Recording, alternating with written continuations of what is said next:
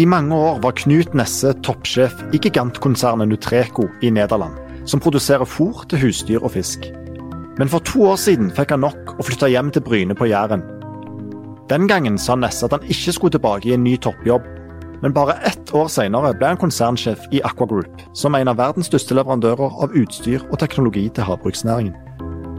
Hvorfor klarte han ikke å holde seg unna en ny toppjobb? Hvordan har det seg at en av verdens største havbruksleverandører holder til på Jæren? Har oppdrettsnæringen et omdømmeproblem? Og er det oppdrett på land eller langt til havs som blir redningen og gjør at næringen kan vokse videre? Det er noe av det vi skal snakke om i denne episoden av Det vi lever av, som er en podkast fra Stavanger Aftenblad, Bergens Tidende og E24. Jeg heter Ola Myrseth, og med meg nå har jeg altså Knut Nesse. Velkommen hit, Knut. Jo, tusen takk for det. Aller først så må jeg spørre deg om én ting. For Jeg intervjuet deg nemlig for eh, to år siden, eh, da du slutta som toppsjef i Nutreco og flytta hjem fra Nederland til Bryne. Ja. Og Den gangen så spurte jeg deg om du nå var ferdig som toppleder for godt. Og du svarte det er målsettingen, jeg har lova familien det. Og så la du til. Men jeg har hørt at allerede går veddemål mellom kolleger om at jeg sprekker innen to år. Første mål er å motbevise de, så kan jeg kanskje innkassere et par vinflasker. Et drøyt år senere var du konsernsjef i Aquagroup. Kollegaene dine fikk rett. Hva skjedde? Um, det som skjedde, det var at uh, jeg engasjerte meg i dette selskapet Aquagroup. Og så begynte jeg å reise litt rundt omkring. Uh, altså Jeg engasjerte meg som styremedlem, og, etter hvert styreleder skulle, skulle, skulle uh, være virksom gjennom styreverv. da. Og så begynte jeg å reise rundt i dette selskapet, og så så, så jeg en del eh, muligheter til å gjøre ting annerledes, eh, få til forbedringer sammen med de som var der. Og så, så, så, så var det på en måte noen krefter som våkna inni meg som gjorde at jeg fikk eh, lyst til å gå tilbake i operativ ledelse, og det har jeg vært nå et år og syns det er fantastisk gøy. Det som var litt av trylleformelen for meg, det var først og fremst å få flytta hjem igjen. Vi har bygd hus på Bryne og flytta inn der. Eh, det, det ga litt sånn ny vår. Vi var lei av å bo i utlandet, for det hadde vi gjort i nesten ti år. Så, så, så, jeg var nok ikke så lei av ledelse som jeg trodde, men jeg var gjerne mer lei av å bo i utlandet. Så, så nå trives, trives, jeg kjempegodt med det jeg holder på med. Mm. Kan du si litt mer om hva, hva er det som gjør at du liksom ikke klarte å holde deg unna en sånn toppjobb, da? Nei, Det med toppjobb i seg selv er ikke så viktig, men, men det som jeg erfarte, så gresset var ikke så mye grønnere på andre sida av gjerdet som jeg trodde. Altså det, det å jobbe eh, i et styreverv, da skal du virke gjennom andre og, og, og, og på en måte litt, litt veilede og til sjuende og sist være med å ta, ta overordna beslutninger om, om både ledelse og strategi. Eh, det gir nok meg mer å være med i et team da, eh, og, og få eh, lov å lede et team. Og, og, være med der det skjer, forme strategien, eh, være med på operativ drift, være med å besøke kunder i marked og, og hele den interessante karusellen der. Det, gir meg nok noe mer, og så, er jeg fortsatt en relativt ung mann, tenker jeg, på 53 år, så, så jeg kan sikkert med tid og stunder ta den styrerollen. Det, jeg hadde nok planlagt den litt vel tidlig. Du, Hva er forskjellen på å være toppsjef i Aqua Group og i Nutreco? Det er jo, eh, altså Grunnprinsippene er den samme. Du, du, skal, du, skal, lede en organisasjon, du skal stake ut kursen, strategi, få de rette folka eh, rundt deg osv. Det som er et annet fellestrekk, det er jo òg at vi i akvakulturnæringen som jeg var eh, kjent med fra Nutreco skrettingssystemet. Dimensjonene er nok litt forskjellige. Vi var 1400 ansatte i, eller vi er 1400 ansatte i Aqua, var ti ganger mer i Nutreco, 13 000. Og, og, og, og atskillig mye mer omsetning, alt det der, og, og mye mer internasjonale. Så, så det var jo Dimensjonene ble litt forskjellige da. Eh, men i det store og hele betyr det relativt lite. Det som er interessant, det er utfordringen. Og i Aqua så er det ekstremt mange spennende oppgaver. My mye som skal skje med akvakulturnæringen eh, framover. Og gjennom Aqua så har vi et uh, ypperlig utgangspunkt, en fantastisk plattform for å kunne være med å påvirke den utviklingen som skal skje. Aqua Group har jo hovedkontor i Klepp kommune på Jæren. Og Jæren er jo egentlig mest kjent for mange, i hvert fall, for landbruk og oljeservice. Hvordan har det seg egentlig at eh, en av verdens største produsenter av havbruksteknologi har eh, oppstått på Jæren?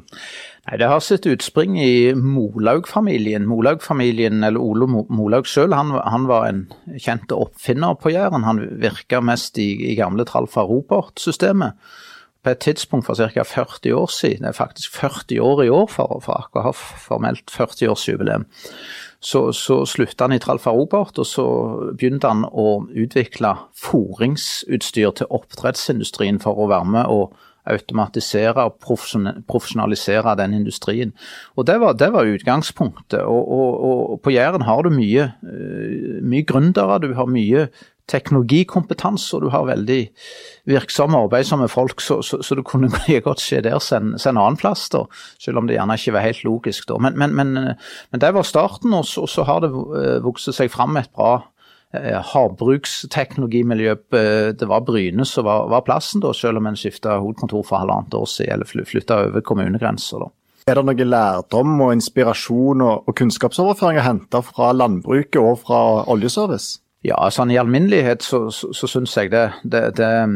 det, er det samme grunnprinsippen. Etter hvert nå så skal laksen på land i tanker, og da er det enda mer overføringsverdi ifra landbruk som i grunnen har industrialisert seg mange tiår før, eh, før havbruk. Da. I tillegg, som jeg sier der, at eh, der som vi ligger på Jæren, eh, vi ligger jo midt i smørøya for å tiltrekke oss interessant kompetanse og arbeidskraft.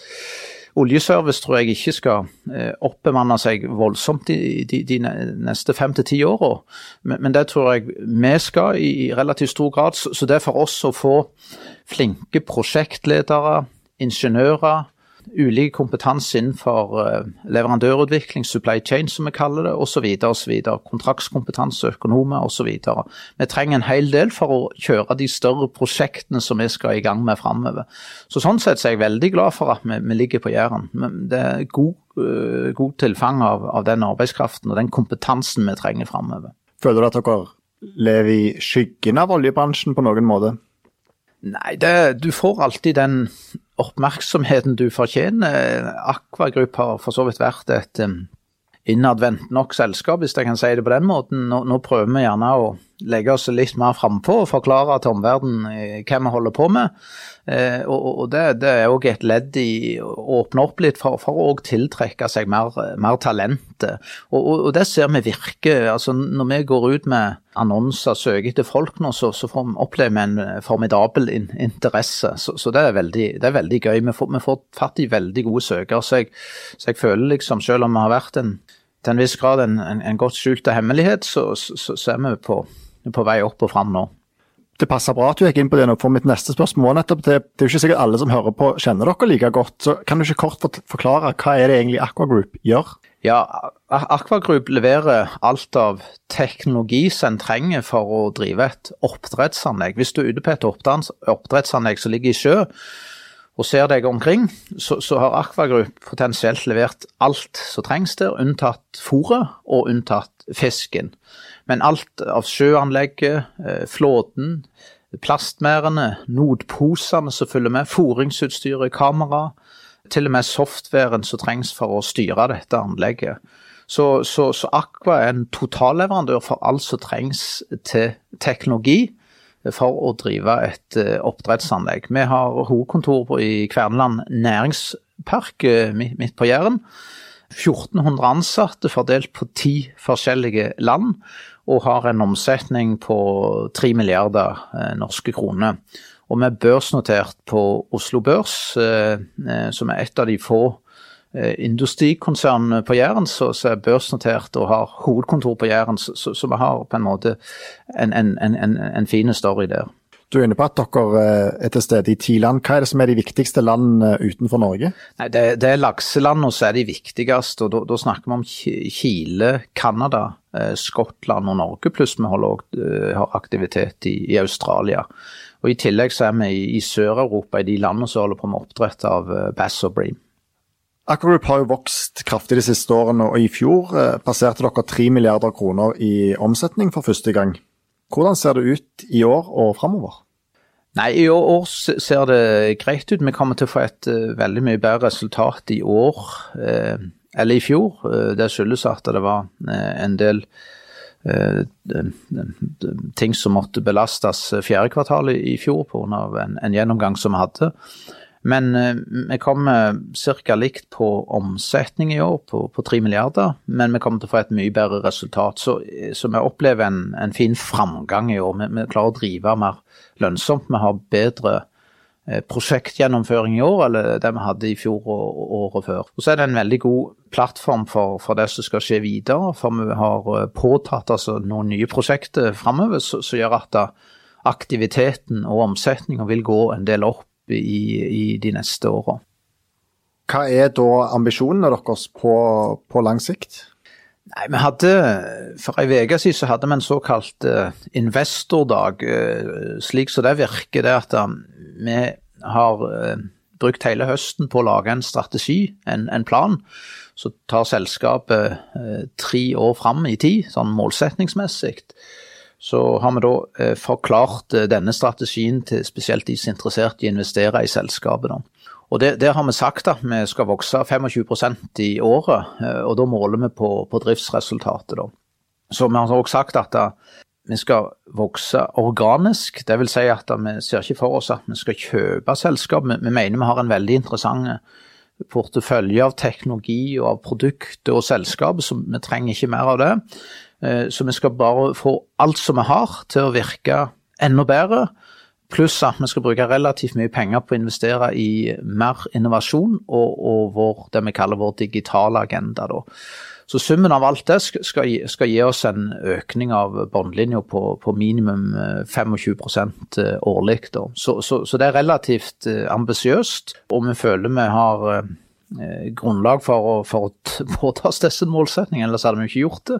Og vi har òg litt ekstra momentum med disse her landbaserte lakseprosjektene. Altså det er et eh, tegn i tida, eller en trend nå, at en del av produksjonen Vi tror at en del av produksjonen av laks i framtida vil skje på landsida, og det, krever, det, kreves vanvittige investeringer i infrastruktur, og, og Aqua er godt uh, rigga for å være leverandør der. Hva er den viktigste teknologien dere driver og utvikler nå? Nei, Det er to bein vi står på. Eh, for det første så er det sånn at da, hvis du tar et steg tilbake og ser på hva laksebransjen har gitt de siste ti år, så, er det en årlig vekst på gjennomsnittlig 6% Så for ti år siden så ble det produsert 1,5 eh, millioner tonn med atlantisk laks i verden. I fjor så var det blitt 2,6 millioner tonn, så det er en økning på 1,1 millioner tonn. Og så er det sånn at De siste årene har det vært litt motstand eh, i forhold til veksthastighet. og Det skyldes eh, luseproblematikk både i Norge og Chile, og, og, og andre eh, ting eh, som gjør at da, bransjen ikke så lett har fått eh, anledning til å, å, øke produksjonen. Det er reelle utfordringer. Så det er sjøsida. Så for å få anledning til å vokse videre, fordi det er viktig å si at vi tror det er et vanvittig potensial målt mot etterspørsel. altså Konsumentene rundt omkring i verden etterspør stadig mer laks. Vi tror det er mulighet for å vokse så mye som 5% årlig framover. Og hvor mye er det? Jo, det er faktisk så mye som 2 millioner tonn i de neste ti åra. Så hvis vi klarte å øke med en drøy million tonn de siste ti åra, så skal det doble seg de neste ti åra. Og tilbake til spørsmålet ditt. Da er det to ting som må skje. Eh, vi må klare å, å, å, forvalte mandatet vårt som næring enda bedre på sjøsida. Eh, det krever mye mer innovasjon for å gjøre installasjonene og oppdrettsanleggene enda mer rømningssikre, mindre sårbare for, for lus. Jeg kan gi eksempel på innovasjon etterpå, hvis den skal gå så dypt. Men, men, men, generelt så, så, er det å gjøre næringen mer robuste, eh, sånn at den kan nær sagt eh, verdiskapning og miljø går, går mer hånd i hånd. og uh, næringen får anledning til å vokse. Så Det er det ene beinet. Og det andre beinet det er å ta denne industrien nærmere konsumenten. Produsere lokalt i, i Asia og USA unngå dyr og lite miljøvennlig fly, flyfrakt av ferske laks, produsere lokalt. Det kan skje gjennom å få laksen eh, til lands, da, fordi du kan ikke kopiere det som vi gjør i Norge på sjøsida. Så da må du investere på landsida. Og, og Aqua vil være med på å utvikle begge de to beina. Både mer bærekraftig produksjon på sjøsida og ta laksen til lands nærme konsumenten. Så kommer jeg tilbake til noen av disse her eh, poengene litt senere. Men jeg må først spørre, for det, at dette året har jo nesten utelukkende handla om koronaviruset på alle nivåer i, i samfunnet. Hvordan har det påvirka dere? Nei, det har vært uh, no, noe påvirkning. Hvis du tar et skritt tilbake og ser sånn totalt sett, så har det vært um, har vi stort sett fått levert på prosjektene våre og hatt normal aktivitet. Vi har hatt relativt lite påvirkning i Norge, hvis vi tenker drift og, og, det operative. Og så har vi hatt noe mer i Litauen og Chile og Tyrkia. Det er land som har vært mer ramma av korona eller Norge, da. Så er det sånn at Norge betyr mest, eh, desidert mest. Eh, to tredjedeler av omsetninga skjer i Norge. så Sånn sett så har konsernet vært min, mindre ramma av, av, korona. Og næringen som sådan har vært eh, moderat ramma, iallfall sammenlignet med andre næringer. Vi, opplever en laksepris i dag som er rundt 40 kroner, og det er på en måte det verste som har skjedd i, i, i næringen. Og det gjør at de fleste aktørene fortsatt tjener litt penger. Så, så næringen har i grunnen klart seg veldig, veldig bra. Det var ikke nødvendigvis gitt, fordi 30 av eh, det globale salget av laks går typisk inn i det som vi kaller Horeka-segmentet, som betyr hotell, restaurant og catering. Det vil si at eh, altså i prinsippet ble stengt ned, stengt av eh, som en følge av korona. Så måtte en da erstatte uh, en slags supply-plattform eh, var så mye som 30% av volumet, mer eller mindre over, over natta. Men det ble, det ble erstatta av detaljhandelen, eller det, det, som en kaller retail. da. Um, og, og, det gjør at uh, volumet har gått ut til kunder på andre plattformer eller tidligere, omsetningsplattformer eller tidligere. Eh, men en har fått noe motstand på pris, da. Men, men hvis du ser det, store bildet, så har dette gått veldig mye bedre enn de fleste hadde drømt om når denne uh, saken starta i, i, mars. da. Så sammenlignet med mange andre næringer, egentlig de fleste næringer, så, så har det gått bra med laksenæringen. Du nevner jo lakseprisen, og vi er jo veldig vant til å høre om oljeprisen, og at den måtte direkte påvirke alt som skjer i den næringen. Hvor viktig er lakseprisen for det som f.eks. skjer hos dere? Ja, det er sånn at da, eh, 30 av vår eh, omsetning er nokså uberørt av lakseprisen, for, fordi det er servicetjenester og ting som er sånn repeterbare inntekter. Men 70% er nok mer avhengig av eh, lakseprisen. Så hvis du over veldig lang tid har en lav laksepris, så betyr det at da, våre kunder så oppdretterne de, de blir mindre eh, i stand til, til, å investere. Så deres investeringsbudsjett vil gå ned, og da vil de handle mindre fra Aqua. Så, så for oss så er det en stor stor fordel at lakseprisen er positiv. Dvs. Si at våre kunder, eh, lakseoppdretterne, tjener penger. Hva er utsiktene for lakseprisen framover?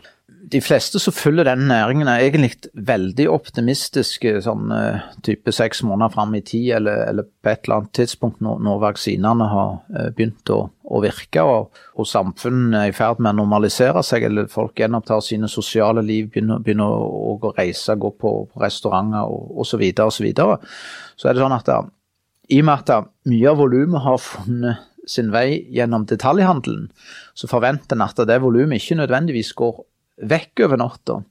Og, og, så, og, så, forventer en at dette såkalt Horeka-segmentet, altså hotell, restaurant, catering, eh, kommer tilbake igjen. Og, og da forventer en egentlig en veldig sterk etterspørselsvekst. Så, så, de analytikerne og forstår seg på som følger dette, de, de, er veldig optimistiske, spesielt eh, i andre halvår 2021 og, og framover. Og, og jeg, jeg personlig deler den oppfatningen. Du var litt inne på det tidligere, men ofte når man hører om oppdrettsbransjen, så er det snakk om lakselus, fisk som rømmer og miljøproblemer knytta til anleggene.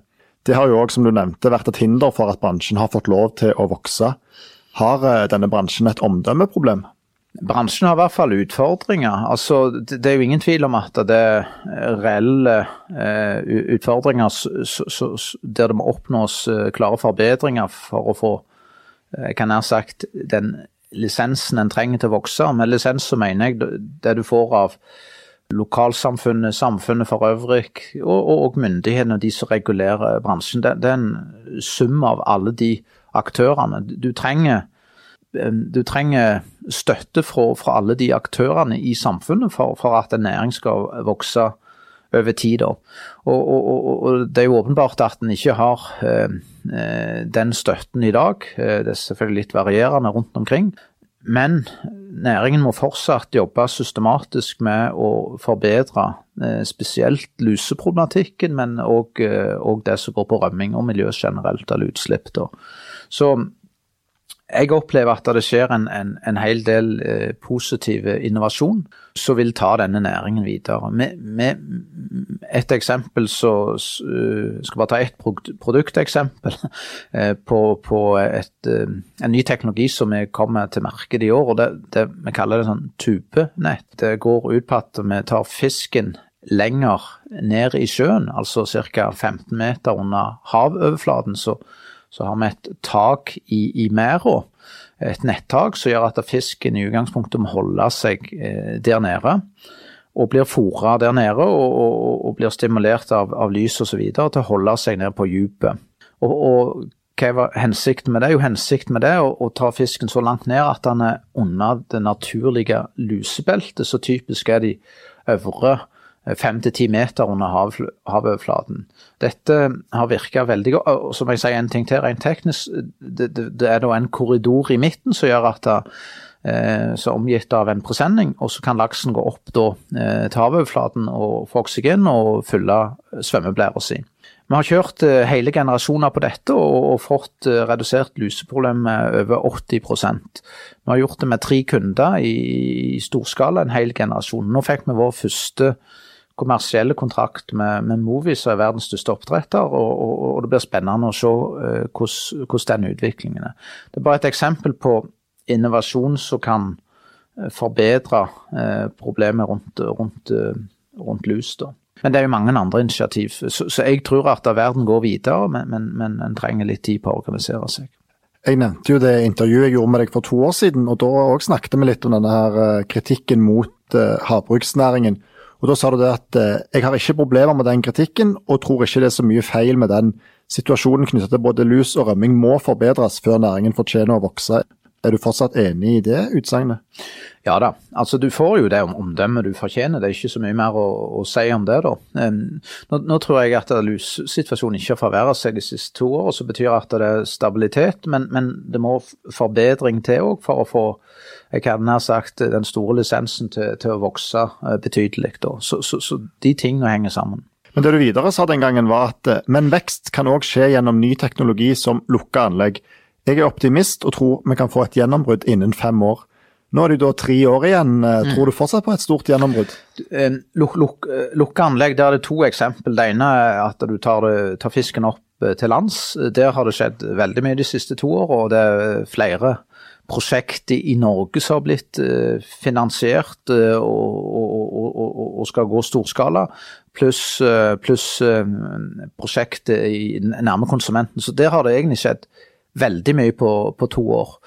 Og så er det òg ulike piloter som blir testa ut i sjøen. Jeg kan tenke meg det er så mye som åtte-ti forskjellige teknologier som har vært uttesting de siste to åra. Det er sånn i denne næringen at eh, en generasjon tar fort en 14-16 måneder i sjøen, så, så, du tester ikke ut på, på en måned. Du, du bruker ofte halvannet år for å teste ut en teknologi, fordi du vil teste det helt ifra fra laksen er smolt, eller et par hundre gram, til, til han blir slakta på fem kilo. Så, så det, det, er nokså lange, eh, eller en seig utviklingsbane. Men, men på de eh, områdene som jeg omtalte for to år siden, så har det egentlig skjedd relativt mye. Men når du da snakker om et stort gjennombrudd, hva er det som ligger i, i det? Nei, det, altså Stort gjennombrudd, det, det, det, neppe noe Det vil aldri være en sånn såkalt silver bullet som oppstår over natta, men, men det, det, er litt sånn uh, inch by inch, eller uh, møysommelig arbeid over tid som skal til her. Og uh, jeg, jeg, tror innen de fem åra, og nå sier du det er tre år igjen, så vil, vil du se relativt uh, stor omlegging av driftsmønster sammenlignet med sånn det var på den tida. Så det er mer sånn at du kan da etter fem år f.eks. se tilbake og si at ja, det har faktisk skjedd ganske mye enn at du plutselig skjer noe ved natta? Som du, som ja, jeg, jeg, vil si det. Og, og, og, som jeg sa, det har skjedd relativt mye på de to årene, spesielt på, på landsida, men òg alle de pilotene på, på sjøsida i enten helt lukka anlegg eller semilukka anlegg, jeg tipper noen av de vil uh, være uh, jeg kan ha sagt vinnerteknologi i så måte at, du, at de vil skalere opp innen inn, inn noen år. Hvor er det der er størst håp, da? Er det oppdrett på land, eller er det oppdrett langt til havs? For meg blir det en kombinasjon, da. Altså, jeg, jeg, jeg, jeg personlig tror veldig mye på den tradisjonelle oppdretten som vi alltid har hatt i fjordsystemene. Eh, og det er det som har vært suksessen de siste 30-40 åra. Og det gjør den enda mer robust, gjør, gjør den enda mer, eh, jeg kan nær sagt, bærekraftig. Det, det, tror jeg er det enkleste å få til. Så, så, så det, det, håper jeg eh, det, det, håper jeg på en måte er det som utvikler seg først. Og etter det så tror jeg at det er et poeng i seg selv å produsere noe laks eh, på land, nærme konsumenten. Og da snakker vi Asia og USA, da. Du ser det jo sånn at Dere i Aqua Group leverer jo ny teknologi og utstyr som kan bøte på de problemene som oppdrettsnæringen har. Er det sånn sett en fordel for dere at uh, bransjen har de problemene? Nei, det vil jeg ikke si. fordi veksten har stoppet relativt mye opp de, de siste år pga. de utfordringene. Så, så hvis, hvis den ikke hadde hatt f.eks. luseproblemer, så hadde produksjonen vært mye mye eh, høyere i dag. Og det hadde gått fint hvis du ser vekk fra akkurat covid-situasjonen som vi opplever nå.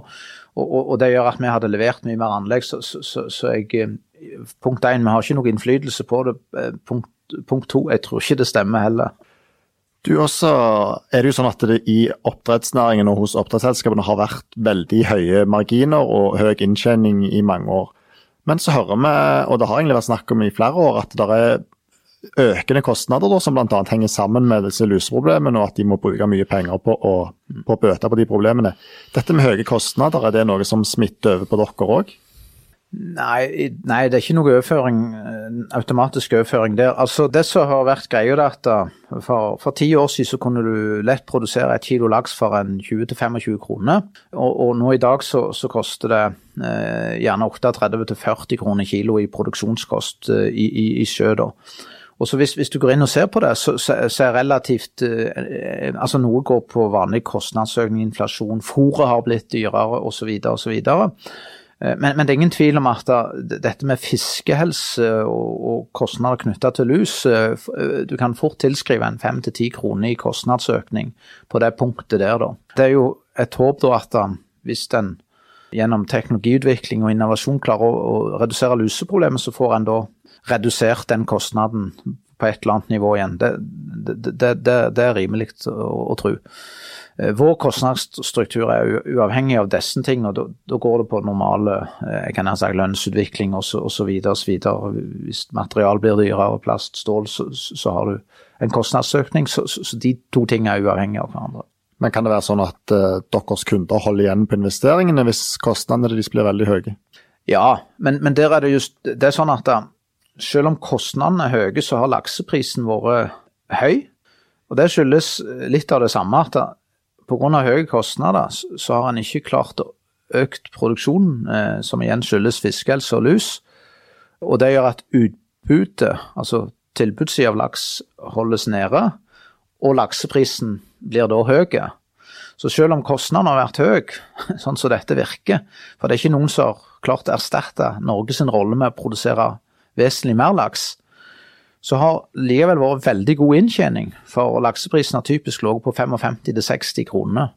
Det var gjerne litt innfløkte forklaringer, men høye kostnader har gitt et lavere utbud av laks, eh, som igjen har eh, ledet til knapphet på laks og høye priser. Og de har da fortsatt tjent gode penger. Det er jo sånn at dere i eh, Aqua Group de siste månedene har vunnet noen av de største kontraktene i selskapets historie, og nylig den aller største kontrakten i selskapets historie, som var i Kina. Og Det er på en måte USA og Kina hvor disse aller største kontraktene kommer. Er det sånn at eh, de største mulighetene nå ligger utenfor Europa? Nei, det vil jeg ikke si. Det er to bein å stå på for oss. Altså, vi har eh, vi har tre milliarder i omsetning, og, og, og, og, det er på sjøsida. Så, så, for oss så betyr det mest at tradisjonell fjordbasert eh, oppdrett, eller sjøbasert oppdrett, eh, lykkes framover. Det, det, det, det, er det aller viktigste for oss. Og så er det sånn at da, vi har òg et nytt bein å stå på, så er å støtte prosjektet der en tar laksen til lands. spesielt da i konsumentnære området, altså nærme konsumenten, så blir det et supplement, da. Og, det, er ingen, det er ingen tvil om at det kan bli et nytt milliardbein for oss, det kan det. Men vi ønsker at begge de to tingene skal virke sammen. Så er det en sak du har engasjert deg veldig i opp gjennom årene, og det er plast i havet. Og fjerning av plast i havet. Hvorfor har du engasjert deg så mye i den saken? Nei, For det dreier seg om vår framtid. Eh, hvis, hvis en ser på det, det, det underliggende problemet, så er, det, så er, det, ingen tvil om at mikroplast er akkurat som en kreft for havet, dessverre. Eh, det blir mindre og mindre mangfold i, havet, det blir mindre og mindre liv. Og, og, og plasten sammen med overfiske gjør at eh, verdenshavene strupes for, for liv, da. Det er jo selvfølgelig svært uheldig for befolkningen, for framtida osv. osv. Neste generasjon fortjener òg liv i, i, i, havet, da. Så jeg, jeg mener at det er i alles interesse, og spesielt òg i næringens interesse, at, at en klarer å få til en, en balanse her og få uh, hele økosystemet til å være bærekraftig. Du, Helt til slutt, uh, hva blir det viktigste for havbruksnæringen i årene framover? Nei, For meg, hvis jeg skal si ett ord, så, så, går, så, går, det på innovasjon og fornying. Uh, det er jo det vi har snakket om gjennom samtalen. Verden må videre, utvikling må skje. Oppdrett på sjøsida må bli stadig mer eh, bærekraftig. Og eh, det å ta laksen til lands er eh, et godt supplement, men du kan ikke gjøre det heller uten nødvendig utvikling og innovasjon. Så, så, så, så, jeg er veldig Jeg har veldig tro på innovasjon, jeg har veldig tro på teknologiutvikling, og, og tror at det vil ta vår bransje og vår næring videre. Jeg tror vi skal gi oss med det, Knut. Tusen takk for at du var med. Ja, tusen takk for at jeg fikk delta. Vi kommer snart tilbake med en ny episode av Det vi lever av, der du kan høre mer om det som skjer i noen av de viktigste næringene i Norge. Vi tar gjerne imot innspill til temaer vi kan snakke om i podkasten. De kan du sende til ola.myrseth.aftenbladet.no. Produsent for podkasten er Henrik Svanevik, og jeg heter Ola Myrseth. Kjekt at du hører på.